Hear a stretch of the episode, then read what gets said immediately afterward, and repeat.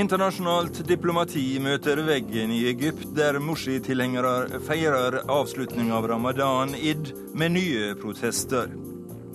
Mens omverdenen telefonerer og snakker, går Syria langsomt i oppløsning, både politisk og helsemessig.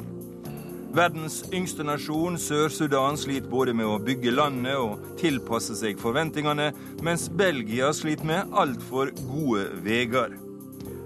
Angela Merkel møter økende kritikk for å satse på miljøvennlig energi, men står likevel fjellstøtt framfor parlamentsvalget.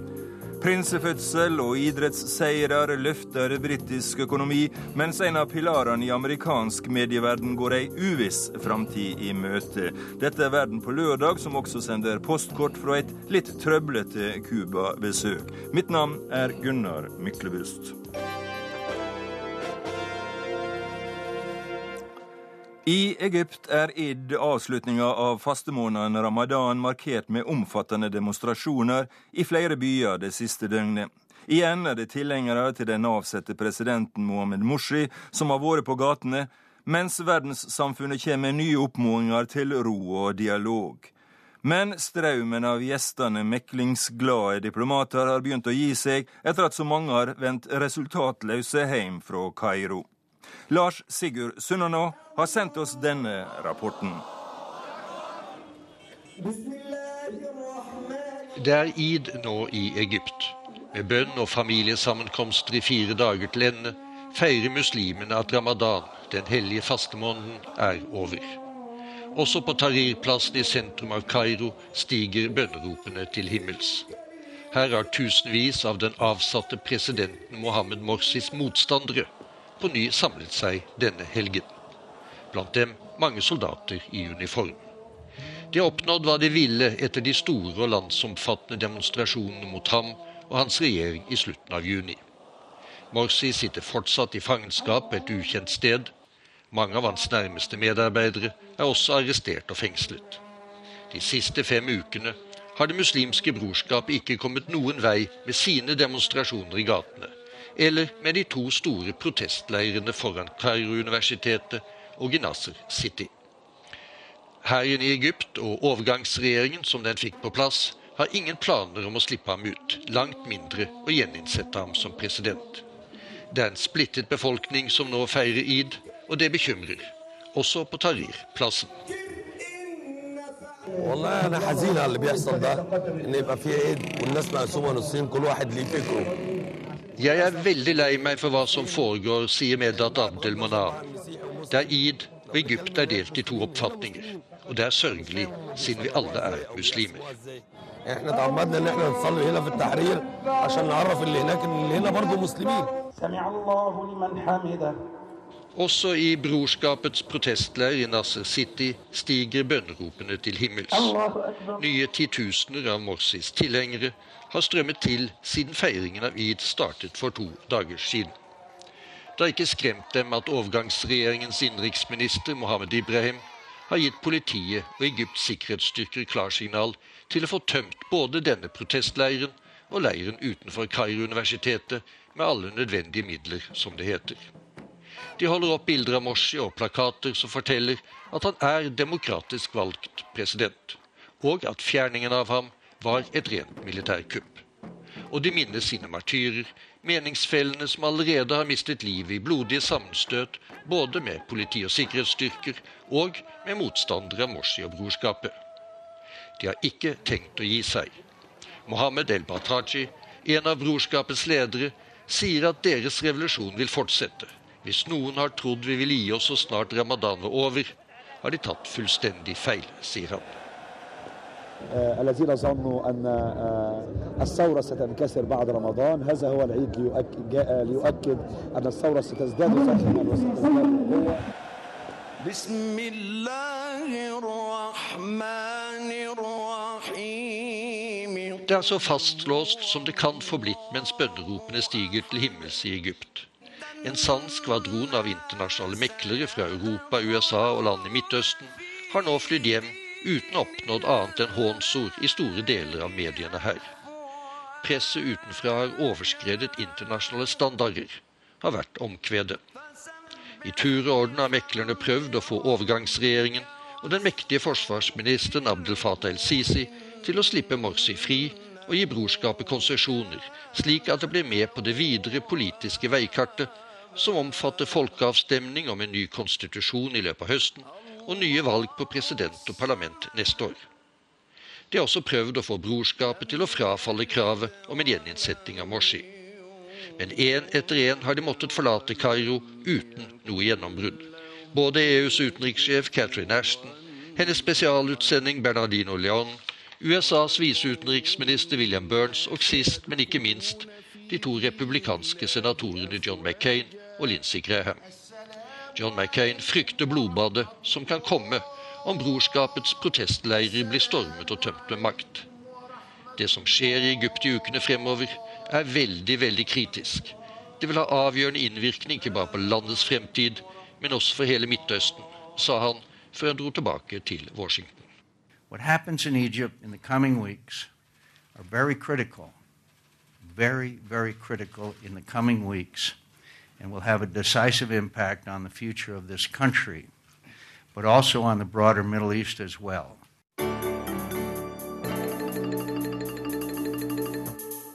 Mer Midtøsten. USA og Russland er enige om å forsøke å få til en ny runde fredssamtaler for Syria så snart som råd, som det heter. Men foreløpig er det lite internasjonal handling å se, og lyspunkter i Syria er sjeldne, der de mange etniske og religiøse gruppene kjemper mot hverandre i en borgerkrig som blir stadig mer uoversiktlig. Faren for å bli kidnappa gjør at færre utlendinger drar inn i landet, og dermed er det også færre uavhengige vitner og færre helsearbeidere som kan hjelpe. Kollega Sissel Wold ser tilbake på den siste veka i Syria. En smilende og tilsynelatende avslappet president Bashar al-Assad gjør entré i en moské i Damaskus. Alle gransker ansiktet hans. Viser han uro? Frykt? Svetter han? Ifølge Ismail Alush i opprørsgruppen Liwan al-Islam har han akkurat unnsluppet et attentat. På vei til moskeen for å markere avslutningen av ramadan ble presidentens bilkortesje angrepet. Det var vi som skjøt granatene mot kortesjen, sier en talsmann for opprørsgruppen Tahrir al-Sham, Stor-Syrias frigjøring. En rolig al-Assad stiller seg opp på teppet i bønnerekken. Alavitten Assad løfter hendene og ber til Allah. Kampsaken for de stadig flere religiøse opprørerne er at alawittene som styrer Syria, ikke er ordentlige muslimer. De er ikke-religiøse, altså vantro. For jihadistene må Assads alawittregime styrtes og byttes ut med et sunnimuslimsk sharia-styre. Den militære kampen handler ikke lenger så mye om å styrte et diktatur for å innføre et demokrati. Syria er blitt et ville Vesten, et uoversiktlig, farlig område for alle. I nord har kurderne havnet i kamper mot Al Qaida-gruppen Jabhat al-Nusra. Russlands regjering, som støtter Bashar al-Assads regime, er rystet over volden.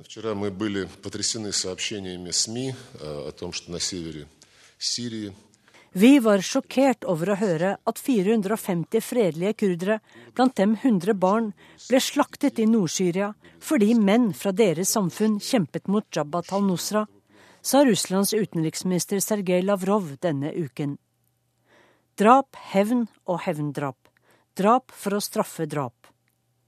Kreftene av hat, sinne og religion er umulig å temme i Syria nå. Den dagen menn er for slitne til å løfte et gevær, til å slipe en kniv, ja, den dagen vil kanskje krigen begynne å brenne ut av seg selv. Men det er langt dit. Nå er det farligere enn før, også for utenlandske journalister, observatører og researchere.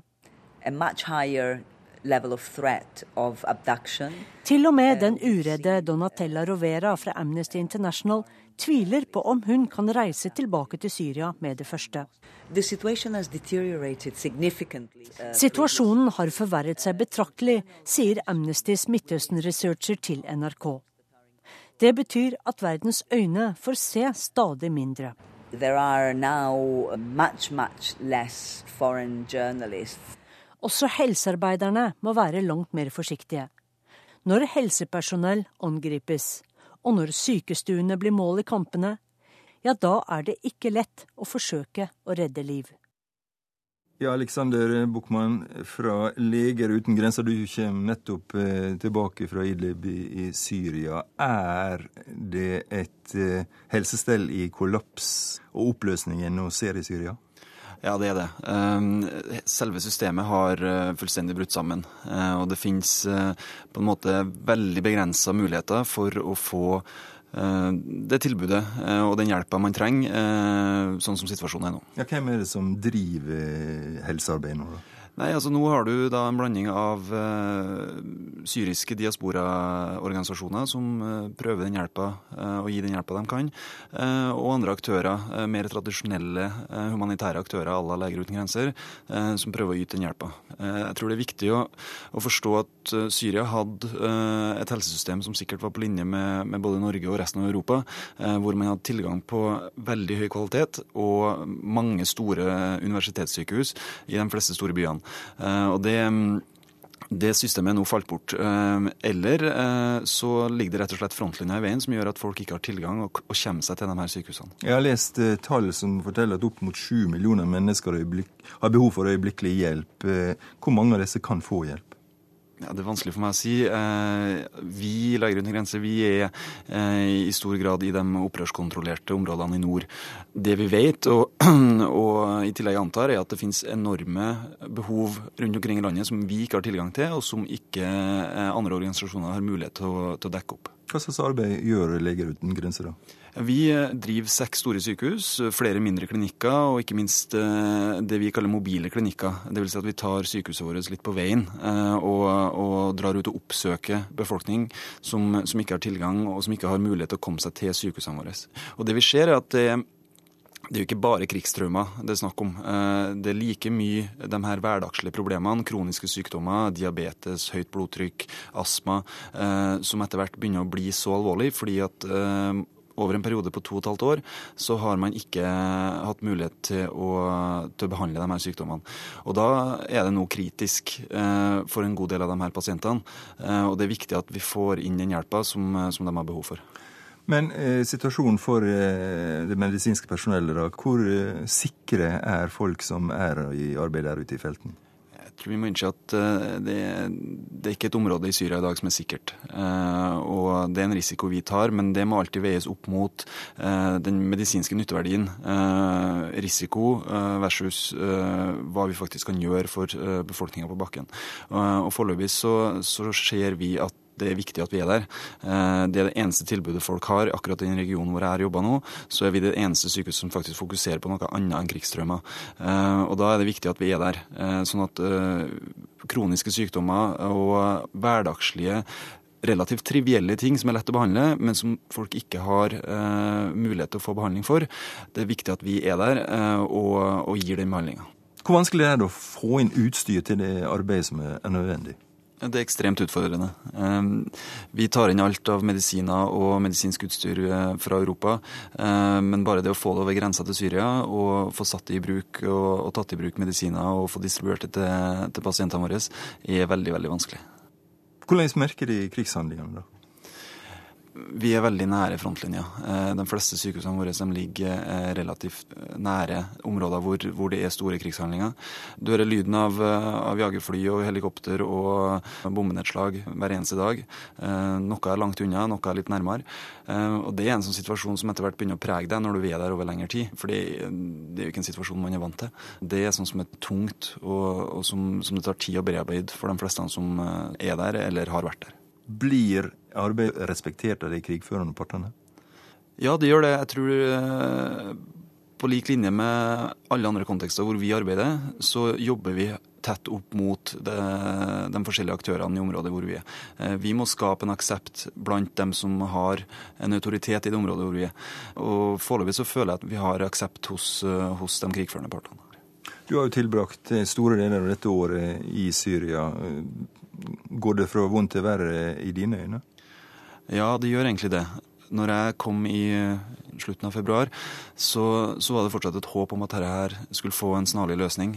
Etter hvert som, eh, som jeg var der, så så jeg at desperasjonen og liksom frustrasjonen hos folk, den, den ble større og større. Og ikke minst så ble eh, folk mer og mer syke, mer og mer kritisk syke, og de hadde ikke mulighet til å få hjelp av en lege eller en sykepleier, fordi at situasjonen blir bare verre og verre. Ser du muligheten for at det internasjonale samfunnet kan gjøre mer enn de gjør i dag? Ja, det må vi. Eh, vi har et kollektivt ansvar, eh, og vi må inn med mer hjelp. Og det må vi gjøre eh, både i, altså i alle områdene, både opprørskontrollert og regimekontrollert. For det er store lommer av, av mennesker som ikke har tilgang på noen ting som helst. Takk til Alexander Buchmann fra Leger uten grenser. Neste stopp for han er Sør-Sudan, og det er det også for oss her i sendinga. Det nye sudanske landet lever i et konstant spenningsforhold til naboen i nord. De to nasjonene skylder hverandre respektivt for å støtte opprørsstyrker på andre sida av grensa, og Sudan truger igjen med å stenge rørledninga som går gjennom landet med den livsviktige oljen fra sør. Jeg har snakka med Hilde Frafjord Jonsson, FNs spesialutsending til Sør-Sudan, og bedt henne beskrive ståa. Det er en krevende situasjon. Sør-Sudan fikk jo sin skilsmisse før skilsmissepapirene på mange måter var i orden. Og fremdeles er det noen gjenstående spørsmål. Eh, og det er klart en av de mest eh, alvorlige er jo eh, dette med Khartoums trussel om stenging av rørledningen, som de er helt avhengig av for å kunne eksportere olje. Så veldig mye av energien i Sør-Sudan de siste to årene, de første to årene av selvstendigheten har jo gått med til å håndtere dette spenningsforholdet til Khartoum. Og desto mindre eh, har kapasiteten vært til å konsentrere seg om de virkelige kjerneoppgavene, nemlig å bygge dette nye landet. Ja, Hvor langt er den bygginga kommet? Og den eh, er kommet eh, bra i gang på noen områder, men henger godt etter på andre. Eh, og det er klart de kunne ha fått gjort mye mer dersom situasjonen hadde vært annerledes i forhold til Sudan. Der de har fått gjort en god del, det er i reformene av politiet. Jeg tror neppe noen annen eh, stat i verden har opplevd eh, en situasjon hvor 70-80% av politistyrken eller hæren faktisk er analfabeter, ikke kan lese eller skrive. Og det er klart, det er en kjempeutfordring. Så det å få reformert og ryddet opp i politiet, fått rett og slett eh, sortert ut, eh, sånn at du bygger på de beste. Og få trent dem, det er en av de viktigste tingene som kan skje. Og det har de gjort ganske bra, og ikke minst det siste året har det vært godt driv i det arbeidet. Det har også vært gode fremskritt på det å på en måte bygge grunnsteinene til en demokrati. Med partilov, flerpartisystem, valglov osv. Eh, og også nå med å kunne ratifisere åtte de har forpliktet seg til det, å ratifisere åtte menneskerettskonvensjoner, kjernekonvensjonene internasjonalt. Dette er bra, men så henger man altså igjen eh, på ganske mange andre områder. 98% av inntektene til Sør-Sudan kommer av oljen. Det er oljen som bygger sykehus og skoler i landet, og da kan en kanskje forstå problemet når nabo-Sudan i nord har holdt ledninga som fører den oljen til havet, stengt i 18 måneder, og nå truger med det igjen, sier Frafjord Jonsson. Det internasjonale samfunnet har heller ikke fulgt opp lovnadene sine om økonomisk støtte. I tillegg sliter Sør-Sudan med opprørsgrupper og manglende politisk rutine i lederskapen, og ikke minst disiplin i hæren, bygd på den gamle geriljarørsla SPLA, der mange ikke forstår begrepet menneskeretter. Ja, Dette har vel kanskje vært den viktigste faktoren, eh, og vi har sett eh, sterke ord brukt fra presidenten hvor han eh, for tredje gang, tror jeg, nå i juli sto, sto foran eh, de eh, væpnede styrkene og sa nå må dere levere. Dere gjør overgrep mot sivilbefolkningen. Det er anklagen fra veldig mange. Og jeg vil se disiplin. Jeg vil se respekt for sivile og beskyttelse av sivile. Og de som ikke vil forholde seg til denne instruksen, og de som fremdeles gjør overgrep, de skal få smake. De skal arresteres og holdes ansvarlig for sine eh, brudd på kommando, eh, instruks og menneskerettigheter. Så det har vært veldig sterke ord brukt, og mine samtaler med presidenten rett før jeg dro, jeg dro tilbake til, eh, til, Norge nå, så lovet han dyrt og hellig at nå skulle dette skje i resolutt handling. Og i en telefonsamtale nylig med generalsekretæren i FN, så sa han det samme. Så nå håper vi at vi ser det. For det er klart at eh, det å lære opp folk i å lære opp sikkerhetsstyrkene i menneskerettigheter, og de å respektere sivilbefolkninga og beskytte dem, det er én ting. Men hvis en ikke holdes til ansvar når overgrep begås, så er det ofte slik at det ikke eh, skjer betydelige endringer. Så vi må se en kombinasjon av lederskap og ansvar, og at de som gjør overgrep, blir straffet. Det er først da, tror jeg, at vi er i stand til å se en ordentlig opprydding eh, i hæren. Er det galt av oss å stille det samme kravet til menneskeretter i et så ferskt land som Sør-Sudan som ellers rundt om i verden? Det er klart at eh, Hvis en sammenligner Sør-Sudan på en del andre områder, eh, sånn som partiers frihet til å operere, til mediefrihet også, organisasjonsfrihet, så uten å nevne navn, vil jeg nok si at det er en del andre land i regionen som også er norske samarbeidsland, som har flere synder på samvittigheten. Men det er klart folk forventer mye av Sør-Sudan fordi de fikk sin uavhengighet, og de hadde en sjanse til å begynne med blanke ark. Eh, og det er klart at eh, De forventningene har også ført til at eh, kritikken har vært større når de ikke har vært i stand til å leve opp til disse forventningene. Hilde Frafjord Jonsson går nå inn i sitt tredje år som FN-sjef i Sør-Sudan, og visste at det var et komplisert oppdrag. Men det er klart det har vært hakket tøffere enn jeg trodde, ikke minst fordi at vi nesten fikk en krig mellom disse to landene. Og de fikk en tøffere start og en trangere fødsel enn jeg tror de fleste hadde håpet. Det er nesten permanent krisehåndtering i Sør-Sudan og i Juba. Så det er klart, tøft har det vært, og tøft kommer det til å fortsette å være. Men eh, det er noe av det mest givende man kan være med på. For kan vi hjelpe dette landet til å komme seg på beina på en skikkelig måte, så har vi gjort ikke bare landet selv en tjeneste, men også hele regionen og kontinentet Afrika.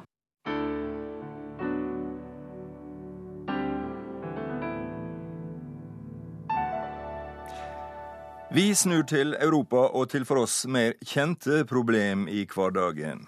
Mens nordmenn klager over dårlig utbygde veier som skaper trafikkaos og køer inn til byene våre, lir Europas hovedstad under det motsatte. Motorveiene inn til Brussel er både mange og brede, men knapt i noen annen europeisk by er køene lengre. Vår korrespondent Åse Marit Befring har vært ute i trafikken. It's, uh, it's about 8 o'clock. Jan de Brabanter kan aldri ha dårlig tid når han skal til jobben. Av erfaring vet han at han neppe får brukt alle hestekreftene under panseret i Audien likevel. There we go, traffic jam. The last 10 years, let's say that uh, uh, traffic has really increased and has become a real problem. De siste ti årene har køene blitt et virkelig stort problem, sier han. I den perioden har Brussel hatt en enorm befolkningsvekst, ikke minst fordi EU er utvidet med 13 land. Det har fått enda flere bedrifter, lobbyister og diplomater til å flytte hit til EUs hovedstad. Folk tar bilen til Brussel fordi de ikke har noe valg, mener det Brabanter.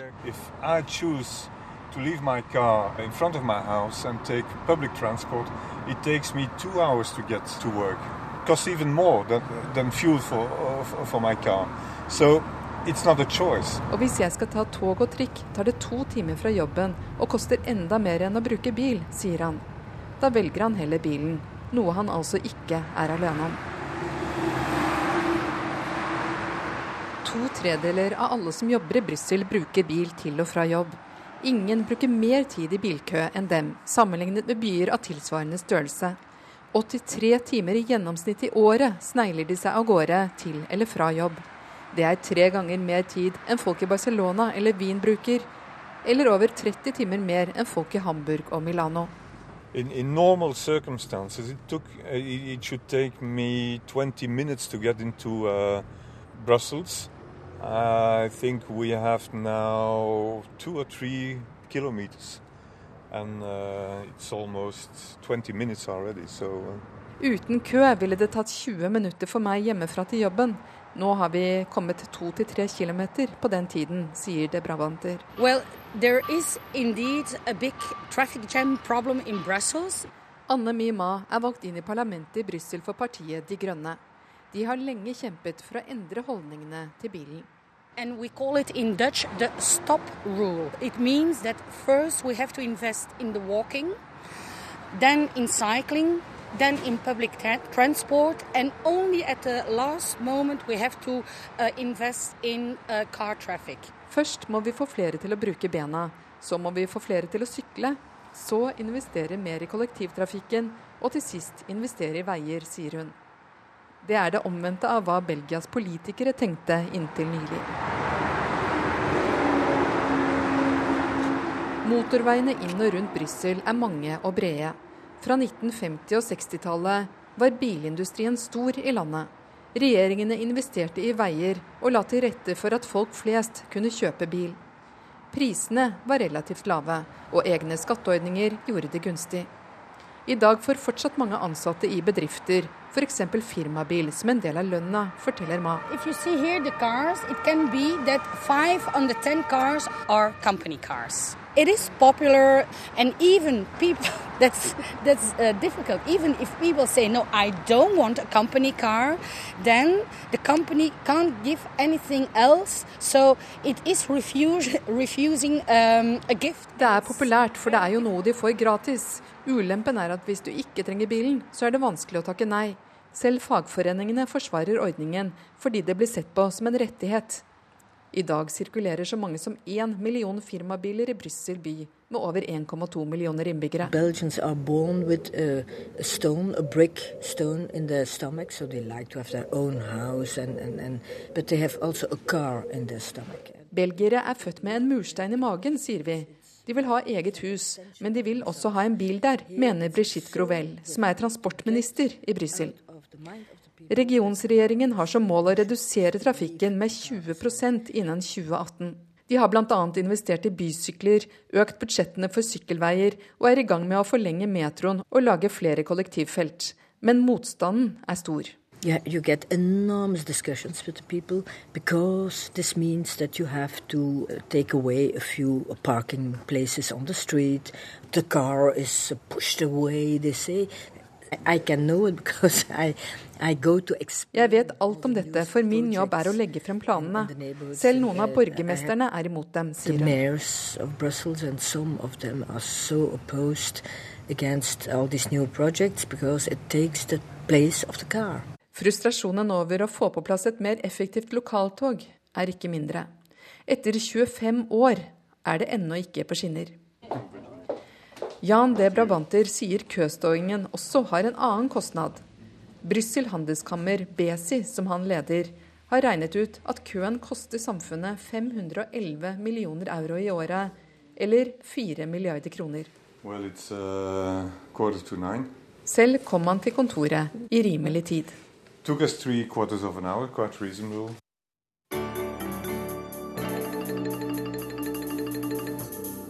Klokka er 11.31, og du lytter til utenriksredaksjonens Verden på lørdag på NRK P2 og Alltid nyheter.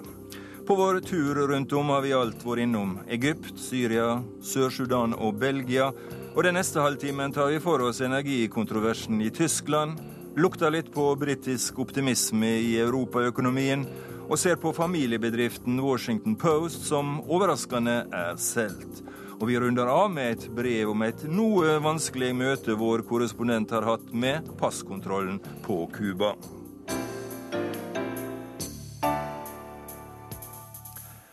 Tyskland går til valg 22.9, og valgkampen er på vei inn i sluttfasen den veka med den såkalte energirevolusjonen som tema. Regjeringa møter nå kraftig kritikk for det store miljøprosjektet, som mange mener er i ferd med å gå imot kaos. Arnt Stefansen har sendt oss reportasje fra Berlin. Det er valgkamp i bydelen Littenberg i det østlige Berlin. En delegasjon fra det sosialdemokratiske partiet besøker et tidligere østtysk kraftverk som i dag eies av den svenske energigiganten Vattenfall.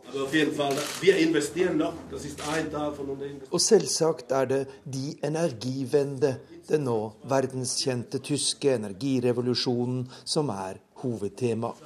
For mye har skjedd siden den tyske regjeringen overrasket verden med å gå inn for en full omlegging av landets energiproduksjon fra atomkraft til fornybar energi. I dag er lovordene fra den gang erstattet av skjellsord og dyp bekymring. Vi har en katastrofale lage Situasjonen er katastrofal, sier de tyske sosialdemokratenes leder Sigmar Gabriel. Våre myndigheter har skapt et energikaos der industrien ikke lenger tør å investere i nye anlegg, og der det mest grunnleggende av alt, vår energiforsyning, er i fare. Jeg mener det som skjer nå, er den største trusselen tysk industri har vært utsatt for siden gjenforeningen av Øst- og Vest-Tyskland for snart 25 år siden, sier han. Optimismen var stor i den tyske solenergibransjen da det historiske energivedtaket ble gjort for drøyt to år siden. Mer enn seks millioner tyskere bruker solenergi, til tross for at landet ikke nettopp hører til de mest solrike på kloden. I dag er lønnsomheten for solenergibrukerne sterkt redusert, samtidig som utbyggingen av vindkraft går mye langsommere enn planlagt. Det store spørsmålet er nå hvem som skal betale regningen, sier SPD-lederen. Vi har de sorgen at dass vi er svært bekymret for at strømprisene skal eksplodere, fordi den grønne revolusjonen blir langt dyrere enn det regjeringen har regnet med. Vi mener Angela Merkel og hennes regjering nå må gi et klart signal om kursen videre for dette prosjektet, sier sosialdemokratenes leder Sigmar Gabriel. Men Angela Merkel sitter rolig og venter.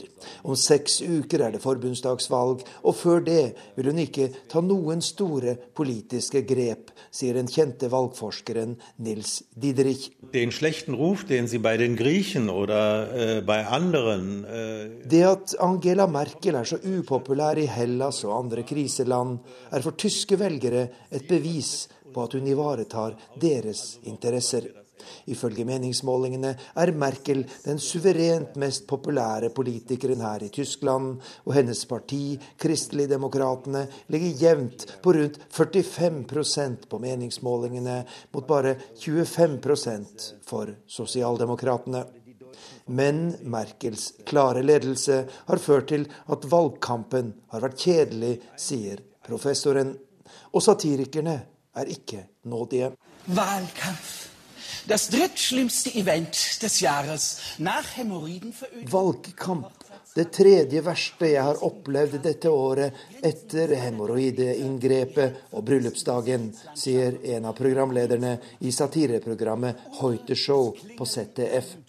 Og det er ikke bare satirikerne som synes valgkampen er håpløst kjedelig. Denne uken ble partienes valgplakater lansert, og det har ikke gjort saken bedre. Gemeinsam erfolgreich. Sammen skal vi lykkes, forkynner Angela Merkels kristeligdemokrater.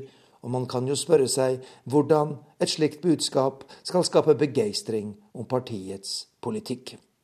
Men tyske velgere ønsker først og fremst ro og harmoni, sier valgforskeren Nils Didrich. Sie mögen den politischen Streit, den Kampf nicht so sehr. Das Tyske velgere liker ikke politisk strid og kamp. Det blir gjerne oppfattet negativt. Og fru Merkel har forstått dette. Selv i store konfliktsaker går hun ikke til frontalangrep på sine politiske motstandere, men hun forklarer på en rolig måte hvorfor det ene eller det andre er riktig å gjøre i øyeblikket. Og dette er en måte å opptre på som svært mange tyske velgere har sans for, sier professor Nils Diderich, en veteran blant valgforskerne her i Tyskland. Med all respekt for stortingsvalget 9.9. Det vil, bortsett fra i Norge, havne fullstendig i skuggen av valget i Tyskland to veker etter. Da skal Europas mektigste jobb bemannes, eller snarere bekvinnes, for særlig spennende blir det neppe der heller. Angela Merkel er ikke råka av regjeringsslitasje, slik Jens Stoltenberg ser ut til å være her hjemme. Et politisk jordskjelv skal til om hun ikke vinner 22.9. Derfor har Merkel valgt å sitte stille i båten, om lag som Erna Solberg. Ikke engang avsløringer av samrøre mellom tysk og amerikansk etterretning i kjølvannet av Snowden-lekkasjene ser ut til å rokke ved hennes posisjon. I stedet har det konservative partiet hennes sendt ut valgplakater med budskap som sterk økonomi, solide finanser og tryggleik for arbeidsplassene. Sosialdemokraten Stoltenberg kunne nok skrive under på samtlige, men vonaleg til lita nytte. I Tyskland derimot ser budskapen ut til å gå heim. Både konservative Merkel og sosialdemokrat Stoltenberg har sittet sammenhengende som statsministre siden 2005. De har hausta ros på heimebane for måten de har håndtert finanskrisa. Begge har holdt arbeidsløysa i sjakk og økonomisk orden i eget hus. Likevel er skilnadene mer iøynefallende enn likhetene. For Norge er ikke Tyskland, og Stoltenberg er ikke Merkel. Norge er en ambisiøs lillebror i utkanten av Europa, mens Tyskland, noe motvillig grunna si mørke historie, er den dominerende makta i EU. Der Norge er opptatt av å gjøre seg gjeldende internasjonalt, er Tyskland tvungen til det i kraft av egen tyngde og slagkraft. Eurokrisa har vært det altoverskuggende temaet i Tyskland de siste åra. Og så lenge krisa i liten grad råker på heimebane, har Merkel sterk støtte for krava til innstramminger i kriselanda. Tyskerne har gitt henne kjælenavnet Di Mutti, moderen eller landsmoderen. De stoler på henne, det er viktig i Tyskland. Slik sett hjelper det henne også at hovedutfordreren Per Steinbrück, som driver valgkamp på krav om minstelønn og barnehageplasser, går under økenavnet Tabbe-Per etter flere uheldige utspill. Der nordmenn er blitt rastløse og utålmodige av en enestående økonomisk handlefridom, er tyskere ute etter tryggleik. Mens vi i Norge først og fremst var opptatt av å bygge velferd, sto og fall muren i Berlin. Frontlina under den kalde krigen delte Tyskland i to, og var en direkte følge av naziveldets brotsverk. Denne nære, dramatiske fortida er fremdeles levende for mange tyskere. Derfor er stabile flertallsregjeringer regelen i Tyskland. I Norge er det unntaket. Merkels forgjenger Gerhard Schrøder satt i to perioder. Han overtok etter 16 år med samlingskansleren Helmut Kohl. I Norge må vi tilbake til Gerhardsen for å finne noen som har sittet lenger enn Stoltenberg. Nordmannen ser rett og slett ut til å ha gått lei etter åtte år med Jens. Han vil ha noe nytt og bedre. Tyskeren derimot setter sin lit til at Di Mutti skal lose både Tyskland, EU og euroen gjennom ureint farvann og trygt i havn. Den kommentaren var signert Knut Magnus Berge. Vi hopper raskt over den engelske kanalen til London for å registrere at britisk økonomi sakte, men sikkert stabler seg på beina etter mange år med tilbakegang og økt arbeidsløse. Produksjonen er på vei opp, og nå lover sentralbanken å holde rentene lave i lang tid framover. Og så hjelper det godt da med britisk tenniseier i Wimbledon og nye arveprinser, rapporterer korrespondent Espen Aas.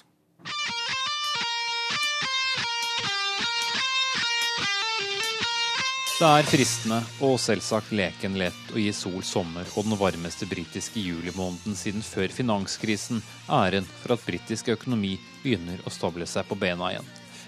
Kanskje er det et sammentreff, men den varmeste juli siden 2006 ga også en svært etterlengtet kjøpeglede hos herr og fru Britte.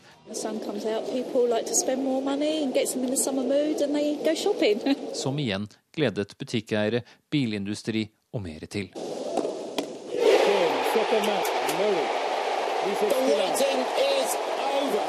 Og drahjelpen kom fra flere steder. Andy Murray, som ble første brite på 77 år til å vinne mennenes Wimbledon-turnering, og Ankomsten til en viss prins George Alexander Louis gjorde folket her i godt humør. Veldig godt humør, og de valgte å unne seg noe ekstra opptil flere ganger. Mange gode nyheter førte til mer handling, forteller Helen Dickinson i den britiske handelsstandsforeningen. I juli hadde vi a number of sort of special factors, if you like, the combination of some fantastic weather and um, really babies, um, Lions, Chris Froome in the Tour de France, the beginning of the Ashes, etc., etc. Avisforsidene kunne gledesstrålende fortelle om hvordan økonomien var i full bedring da produksjonstallene for juli viste en økning på hele 2% på tirsdag. Det holdt til forsiden på ettermiddagsavisen Evening Standard og toppoppslag på flere nettaviser. Og så, på onsdag, dukket landets nye sentralbanksjef Mark Carney opp. In practice, this means that the MPC intends not to raise bank rate above its current level of 0.5 Importert fra Canada, og han annonserte en helt ny måte å styre pengepolitikken på. Han skulle styre renten etter arbeidsledigheten. I øyeblikket er den 7,8% Han lovet å holde renten uendret helt til ledigheten falt ned til 7% eller mindre. Og da snakker vi trolig om en styringsrente på et halvt prosentpoeng til etter neste parlamentsvalg, trolig godt ut i 2016. De eneste som ikke var så begeistret, var små og store sparere, som denne pensjonisten i den lille byen Ely, halvannen times kjøring nordøst for London.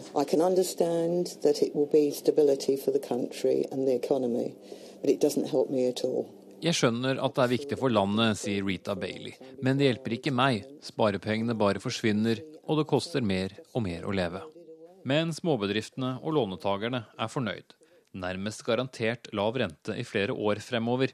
Det gir forutsigbarhet, muligheten til å låne penger og bruke penger, slik som alenemor Amanda Freeman, som har to barn og ett lån. It's good news, obviously, for me, um, knowing that my mortgage is hopefully going to stay as it is for a little while. Dermed kan Amanda lettere holde budsjettene, og så håper hun også å kunne pusse opp mer hjemme. La gå at juli var en måned med økonomisk vekst, stigende huspriser og økt bilsalg i Storbritannia. Men vil det vare? Analytiker Matt Piner er ikke overbevist.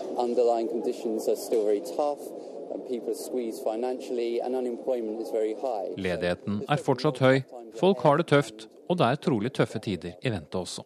Men kanskje, kanskje er det nå en forskjell i at bedrifter og folk vet at det kommer til å bli lave renter en stund til, og kanskje, kanskje skinner solen på flere fremover.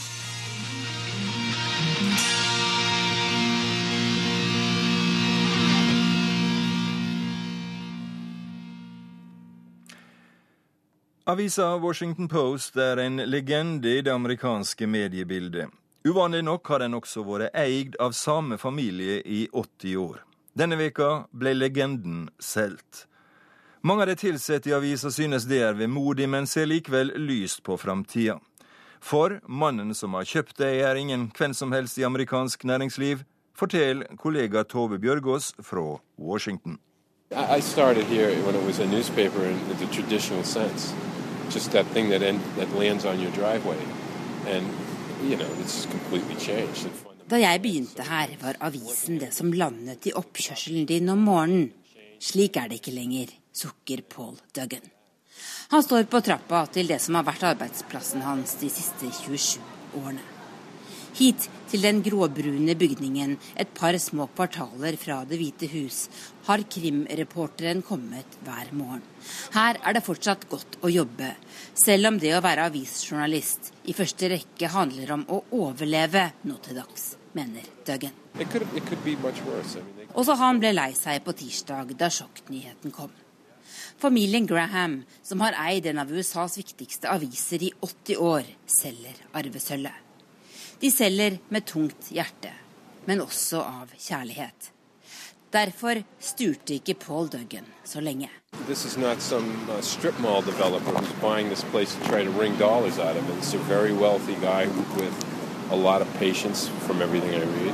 Det er ikke noen kjøpesentermogul som har kjøpt oss for å tjene raske penger. I stedet har Graham-familien solgt til en veldig rik mann, som visstnok er kjent for å tenke langsiktig, sier han. Now, I know what you're all thinking. Moments ago, he seemed sane. Um... Jeff Bezos er mannen som la 250 millioner dollar på bordet for å sikre seg en av USAs aller viktigste nyhetsformidlere. Han tar avisen av børsen og har planer om både å bevare og eksperimentere. Bezos er god til det siste. I 1994 lånte han 1,8 millioner kroner av foreldrene for å starte Amazon.com. Han bygget kontor i garasjen i Seattle og begynte å selge bøker på nettet. I fjor omsatte selskapet hans for 360 milliarder kroner og er verdens største nettbutikk. Årsaken er først og fremst at Jeff Bezos alltid finner på noe nytt. Derfor tenker de som kjenner gründeren, at han er mannen som kan redde Washington Post gjennom denne vanskelige fasen for aviser.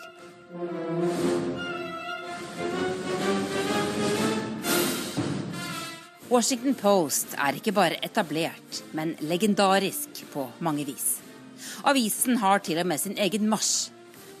Denne her, som John Philip Sousa komponerte i 1889.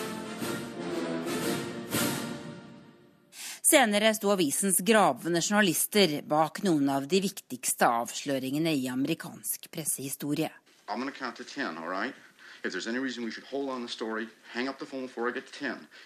Den aller mest kjente er selvsagt Watergate. Bernstein, are you sure on this story? Absolutely. Woodward? I'm sure. Det var Carl Bernstein og Bob Woodward som avslørte at Richard Nixons folk hadde brutt seg inn i valgkampkontorene til demokratene. Woodward ønsker også Jeff Bezos velkommen som ny eier. Jeff Bezos is one of the real innovators. Uh, he understands things in ways that other people don't. Han er en innovator som forstår mer enn de fleste. Dessuten er han villig til å tape penger. Det er viktig, sa Woodward på TV denne uka. Krimreporter Duggan er enig. Men han kommer likevel til å savne familien, som ikke bare har eid avisen, men som har vært til stede i redaksjonslokalene hver eneste dag. That's, that's what we'll miss, you know. I mean, you know who you work for. You know, because he walks around the newsroom in, you know, goofy Chris. Det vi vil savne, er at utgiveren går rundt på nyhetsdesken hver dag. Å jobbe her har vært som å jobbe i en familiebedrift. Den tiden er nok over, sier krimreporteren og går inn igjen for å rekke deadline.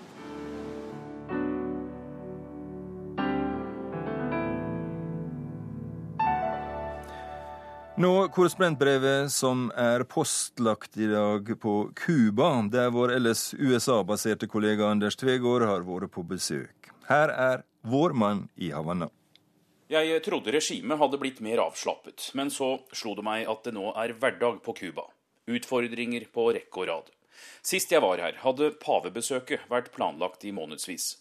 Havanna var kjemisk renset for dissidenter og regimekritikere. Ingen skulle forskitne til glansbildet. Nå er de derimot tilbake. Klokka hadde passert 21. Tolleren som hadde pekt ut kofferten min, hadde gått av vakt. Han hadde overlatt håndteringen til dem med færre distinksjoner på skuldrene. De cubanske grensevaktene sto der til pynt. Ingen av dem hadde fullmakter til å ta beslutninger. Jeg ble pent nødt til å komme tilbake til flyplassen i morgen, ble jeg fortalt. Det passet dårlig, fordi jeg skulle være på Cuba i bare tre dager og hadde et tettpakket program. Innreisetillatelsen ble gitt bare fire dager før, og innholdet i håndbagasjen var akkurat det samme som under pavebesøket. Funksjonæren tok en ny titt på visumet mitt. Hvisket til kollegaen sin at jeg var godkjent som journalist. Hun ble avspist, først med et blikk, så med beskjed om å hente paragraf og regelboka. Kollegaen, som var 20 år eldre uten å ha steget nevneverdig i gradene av den grunn, hadde vært på jobb i litt for mange timer. Kroppen i den grågrønne uniformen var i alarmberedskap. Det kunne jo tenkes at den amerikanske varsleren Edward Snowden ville prøve å nå Sør-Amerika via Cuba, og det med journalister på slep. Det var ikke lenge siden et fly fullastet med reportere uten visum hadde kommet hit fra Moskva. Mikrofonen skulle bli i varetekt inntil jeg fikk innhentet nok stempler eller reiste fra landet. Tollvesenet hadde instruksjoner å følge, måtte jeg forstå, og et journalistvisum var ikke enstydende med at jeg kunne ha med mikrofon. Kamera og redigeringsutstyret var de ikke interessert i. Det var som å ha en penn tømt for blekk. Det opplevdes nesten kjølig å komme ut i sommermørket og 32 grader en time senere. Jeg visste at morgendagen ville forsvinne i byråkratiets tjeneste for å få tilbake mikrofonen. En hel dag med opptak i Havanna forduftet. Den eneste dagen uten offisielt program. De gode historiene ble beslaglagt i tolla. Det i et land hvor det ikke er mangel på mikrofoner eller overvåkning. Jeg hadde kommet til Cuba hovedsakelig for å lage en sak på det norske fredsdiplomatiet. Norge og Cuba har funnet tonen og er garantister eller tilretteleggere for skjøre samtaler om Colombia. Colombias regjering og Sør-Amerikas eldste og største geriljagruppe, FARC, har jevnlig møter i Havanna. For partene er det kort reisevei, et uh, kjent klima, og bonusen er trolig at det også er mer kontrollerte forhold for sensitive samtaler. Forhandlingene kan pågå i stillhet, skånet for en pågående eller interessert presse. Hit skulle Utenriksdepartementets statssekretær komme for å møte partene i forkant av nye fredsrunder. At det endelig var en vestlig delegasjon, og den mest høytstående fra Norge på tre år, som besøkte Cuba, imponerte ikke funksjonærene på flyplassen særlig. I alle fall ikke at visitten skulle få pressedekning. Men eh, andre i Havanna tok hintet relativt kjapt da den norske ambassadøren ringte og spurte hvorfor akkrediterte journalister blir fratatt arbeidsverktøyet. Saken fikk en annen prioritet enn om jeg skulle ha troppet opp i de forskjellige etatene på egen hånd og bearbeidet lokale småkonger. Dagen etter satt jeg i en Coco-taxi, en av disse gule mopedtaxiene på tre hjul som ser ut som en halv kokosnøtt. Jeg hadde fått de nødvendige underskriftene etter fire timers jobb og skulle tilbake til flyplassen. Trolig var dette rekordkjapt levert av regimets byråkrater. Teknisk innsikt hadde de også. Det var ikke vanskelig å se for et eh, trent øye at mikrofonen med de oppgitte spesifikasjonene var ubrukelig for alt annet enn mitt kamera. Vi kjører forbi Revolusjonsplassen, der store cubanske flagg blafrer i vinden. Om de varsler et eh, politisk værskifte, er jeg mindre trygg på, men noen av de strengeste forbudene har blåst bort. Det var i regjeringskompleksene her jeg hadde fått tillatelsen. Den ikoniske argentineren Che Guevara pryder ytterveggen til innenriksministeriet. Freske i stål har tålt tidens tann, og er et solid symbol på de offentlige verdiene som eh, henger fast. Det var her på revolusjonsplassen paven talte til flere hundre tusen mennesker i fjor. Han ba om et mer åpent samfunn. Moskva, Minsk og Pyongyang har omtrent like store offentlige samlingsplasser. Den cubanske skiller seg ut med Fidels maratontaler. Synd var det på dem som ikke hadde tatt med seg hodeplagg og måtte stå i timevis i stekende sol. Det var her han og Raúl mobiliserte massene minst to ganger i året, på 1. mai og revolusjonsdagen i slutten av juli. Cubanere har ikke opplevd samme omveltninger som kommuniststatene Kina og Vietnam. Likevel ser mye annerledes ut enn da Fidel styrte for bare fem år siden, om du ser bort fra forfølgelsesvanviddet på flyplassen. Ikke minst i maktas korridorer har det vært utskiftninger. Fidels menn er byttet ut med Rauls militære, yngre ledere går i skole. Dette begynte å skje før pavens bønn. President Castro løsner sakte grepet og tar mindre plass. Nå kan cubanere, som har råd til det, få reise inn og ut av landet som de vil. Rundt 100 nye internettsjapper har kommet til hoteller og postkontorer takket være fiberoptisk kabel fra landets største handelspartner Venezuela. Mye nettinnhold er fortsatt sensurert. Det er altfor dyrt å surfe og uaktuelt å koble til de fleste hjem, men likevel. Den skakkjørte planøkonomien gjør også at folk får drive mer privat nå, som å ha restauranter eller små mobile utsalgssteder med frukt og grønt. Amerikanske pastellfargede biler fra 1950-tallet er hentet ut av garasjene, gjenopplivet med bildeler fra andre merker, stereoanlegget fikset på og skinnsetene pusset. Taxilisensene flommer over. Dette er også en ny inntektskilde. De gamle bilene fyller gatene igjen og er et kollektivalternativ til overfylte busser. Reformene tvinger seg fram i takt med oppsigelser i statsapparatet, men for mange går det frustrerende sakte. Cuba må importere det meste. Akkurat nå er poteter vanskelig å få tak i, fikk jeg høre. Vertsfamilien jeg bor hos, spurte om jeg kunne ta med bleier til den nyfødte. På Cuba er bleier dyre og dårlige. Som takk ventet jeg en mulatta på rommet mitt. Ja, jeg fikk også lettere panikk da jeg hørte det.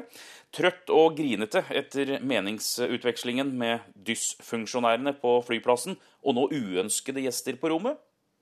Det var familiens favoritt, sa mannen i huset. Vi kunne godt dele. Jeg trodde ikke mine egne ører. Hjernen spant rundt. Jeg hadde brukt samme boligagent sist jeg var her, uten problemer eller tilbud om annet enn en seng. For å gjøre det kort, det som opplevdes som svært lange og rådløse minutter ved dørstokken, mulatta viste seg å være en flaske brun rom. En dråpe cubansk identitet. Den var helt grei. Alt er mulig, resten er ulovlig, sa en av mine cubanske venner om forholdene på øya. En slags forsvarstale og forklaring. Han var oppgitt, men ikke overrasket over hva jeg fortalte om de tekniske utfordringene. Nå var jeg her igjen og skulle vente i underkant av en time før de flyplassansatte klarte å finne kameramikrofonen de hadde beslaglagt kvelden før. Ofte består jobben vår av mye venting, men da ofte på noe mer meningsfylt og frivillig enn byråkrati og system som ikke skjønner sine egne kråketegn. Vi ventet ikke engang på heisen i et av departementene her, men tok beina fatt. Heldigvis så rakk eh, akkurat den gravide norske statssekretæren å komme seg opp i 9. etasje og inn til signeringsseremonien før det smalt. Trolig var det strømmen som gikk, og heisen ble stående da hun hadde gått ut. Deler av delegasjonen tok trappehuset opp. Skjortene klistret seg tettere inn til kroppen for hver etasje. 45 minutter senere var seremonien over, men heisen sto fortsatt heldigvis enklere å gå ned ni etasjer enn opp, selv for dem med høye hæler. Det var mer sjarmerende enn flaut. Uønskede problemer fikk også lasteskipet som ble stanset i Panama. Cubanerne hadde lastet skipet med sukker. Tollerne, som mistenkte narkotikatransport, boret båten og fant våpensystemer, raketter og flydeler under sukkeret. Den nordkoreanske kapteinen forsøkte angivelig å ta livet sitt, ble det gjengitt i mediene. Han hadde ikke lykkes med oppdraget å få varene trygt til Pyongyang, siden båten ble tatt i arrest. Sukkeret skulle etter sigende være betaling til Nord-Korea for at de fikser litt på de cubanske forsvarsinstallasjonene.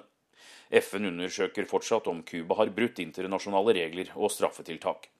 Man skulle tro de hadde andre utfordringer og bekymringer enn en mikrofon. Og brevet fra Anders Tvegård kan du høre igjen i en forkorta utgave av denne utenrikstimen på P2 etter Dagsnytt klokka 16.30. Men her setter vi strek.